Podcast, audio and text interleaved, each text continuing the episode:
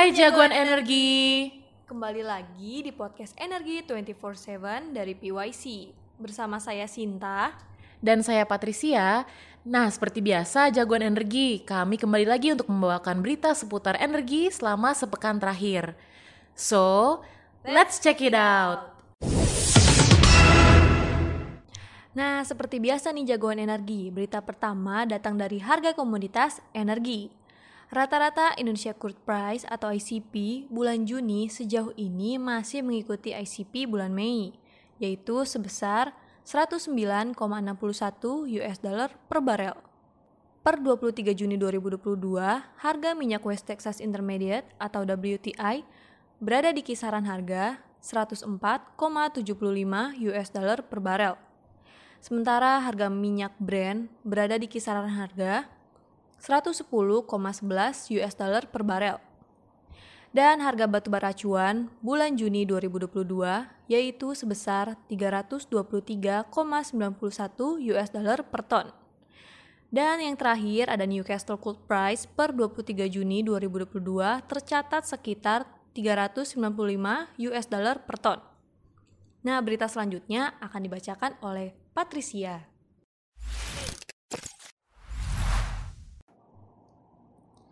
Thank you Sinta. Berita berikutnya datang dari sektor migas. BPH Migas targetkan aturan pembelian Pertalite berlaku pada bulan Agustus. Berita diambil dari Kontan tanggal 23 Juni tahun 2022. Badan Pengatur Hilir Minyak dan Gas Bumi atau yang biasa kita kenal dengan BPH Migas menargetkan aturan untuk pembelian Pertalite mulai berlaku pada bulan Agustus 2022. Dalam upaya memperbaiki penyaluran BBM subsidi tepat sasaran, pemerintah akan merevisi Perpres nomor 191 tahun 2014 tentang penyediaan, pendistribusian, dan harga jual eceran bahan bakar minyak. Nah, poin-poin usulan untuk merevisi Perpres tersebut telah disampaikan Menteri ESDM kepada Presiden Joko Widodo. BPH Migas pun kini masih menanti undangan untuk pembahasan lebih lanjut. Salah satu poin yang akan dibahas dalam pembahasan tersebut yakni dampak khususnya untuk aspek sosial jika kebijakan baru tersebut mulai diberlakukan. Nah, dalam aturan yang baru, BPH Migas merencanakan adanya pengaturan atau identifikasi ulang untuk konsumen pengguna jenis BBM solar. Selain itu, juga akan diatur ketentuan untuk konsumen pengguna jenis BBM khusus penugasan atau JBKP Pertalite. Berita kedua masih datang dari Migas. SKK Migas HCML bakal jadi produsen gas terbesar di Jawa Timur. Berita dikutip dari Liputan 6, 21 Juni 2022. Visi Husky CNOOC Madura Limited atau HCML akan menjadi produsen gas terbesar di Jawa Timur dan operator pilihan di Indonesia.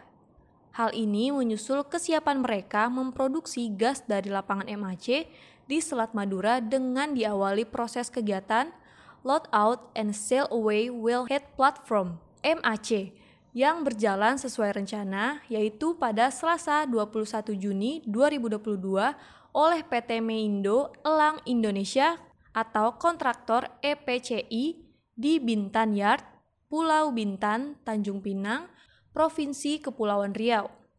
Lapangan MAC merupakan salah satu penyangga dari target produksi gas SKK Migas 1 juta BOPD dan 12 BSCFD pada 2030. HCML adalah salah satu kontraktor kontrak kerjasama atau KKKS di bawah pengawasan SKK Migas. Potensi produksi lapangan MAC diketahui sebesar 50 MMSCFD. Dalam bekerja, HCML berpegang kuat pada komitmen terhadap etika, kesehatan, keselamatan, dan lingkungan hidup. HCML menanamkan investasi untuk memaksimalkan produksi dalam jangka waktu 5 sampai 7 tahun.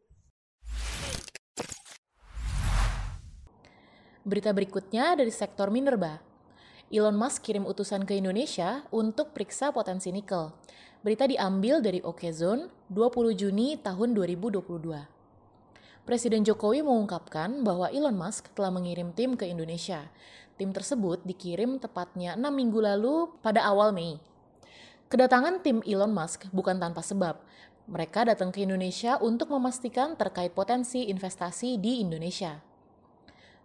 Untuk diketahui, Presiden Jokowi telah menawarkan sejumlah investasi kepada Elon Musk pada pertemuan yang dilakukan di markas roket milik Elon Musk SpaceX di Boca Chica, Amerika Serikat hari Sabtu 14 Mei 2022 lalu.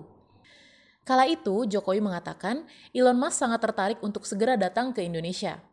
Presiden RI juga mengundang Elon Musk untuk hadir pada pertemuan KTT G20 yang tahun ini akan diselenggarakan di Indonesia di Bali. Pada pertemuan mereka di bulan Mei lalu, Presiden Jokowi pun juga langsung menyarankan CEO Tesla untuk segera berinvestasi di Indonesia.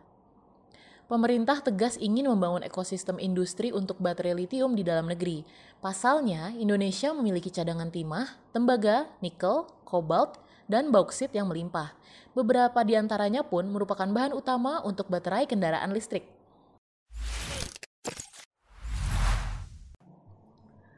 Berita selanjutnya datang dari kelistrikan.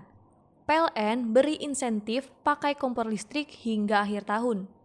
Berita dikutip dari CNN Indonesia 23 Juni 2022. PT PLN Persero memberikan sejumlah insentif bagi masyarakat yang beralih ke kompor listrik. Hal ini dilakukan untuk mendorong semakin banyak penggunanya. Vice President Komunikasi Korporat PLN, Gregorius Adi Trianto, mengatakan insentif pertama diberikan bagi masyarakat pengguna kompor listrik yang ingin menambah daya. Insentif ini akan langsung diberikan kepada masyarakat melalui pihak-pihak seperti penyedia kompor listrik yang bekerja sama dengan perseroan. Insentif ini sudah mulai diberikan sejak Agustus 2021 hingga akhir tahun. Masa berlaku 26 Agustus 2021 hingga Desember 2022. Insentif diberikan untuk rumah baru yang dilengkapi dengan kompor listrik, maka bisa langsung mengajukan tambahan daya ke PLN. Sebab PLN memiliki layanan yang dinamakan ekstra daya. Layanan ekstra daya berupa pemberian kapasitas daya tambahan di atas permohonan daya konsumen untuk hunian baru yang dilengkapi prasarana kompor induksi yang dibangun oleh pengembang perumahan dan pemukiman yang bekerja sama dengan PLN. PLN mencatat hingga saat ini jumlah pengguna kompor listrik industri telah mencapai 287 153 pelanggan.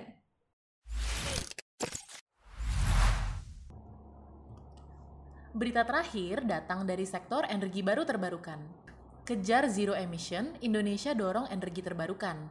Berita diambil dari iNews 23 Juni tahun 2022. Indonesia telah berkomitmen menangani perubahan iklim dengan menargetkan nol emisi karbon atau zero emission pada tahun 2060. Untuk mencapai target tersebut, Indonesia membutuhkan masa transisi agar energi baru dan terbarukan dapat menyumbang 23% terhadap total bauran energi pada tahun 2025 dan 31% pada tahun 2050. Menyikapi komitmen Indonesia, UOB membuat langkah strategis untuk meluncurkan U Energy, platform pembiayaan terintegrasi pertama di Asia untuk mendorong pengembangan proyek efisiensi energi bagi bangunan dan rumah di Indonesia. Platform ini telah berhasil dilakukan di sejumlah negara, yakni Singapura, Malaysia, dan Thailand. Presiden Direktur UOB Indonesia, Hendra Gunawan, mengatakan UNRG menjadi solusi pembiayaan berkelanjutan UOB berdasarkan kerangka pendanaan kota pintar berkelanjutan atau disebut juga dengan Smart City Sustainable Framework yang memprioritaskan aspek ramah lingkungan.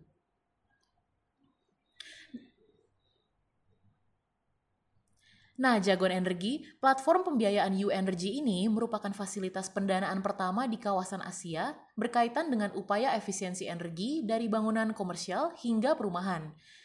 Dalam program U Energy, UOB akan bekerja sama dengan mitra strategis untuk mendukung efisiensi energi yang diharapkan dapat mengurangi emisi karbon sesuai dengan kebijakan yang telah disusun pemerintah. Jadi, perusahaan mitra berperan membangun ekosistem dengan menyediakan teknologi dan layanan seperti konsultasi, audit energi, serta implementasi dan pengelolaan end-to-end untuk retrofitting bangunan. Rata-rata perusahaan layanan energi untuk pengelolaan platform U-Energy akan membantu nasabah mengurangi sekurang-kurangnya 20% dalam penggunaan energi.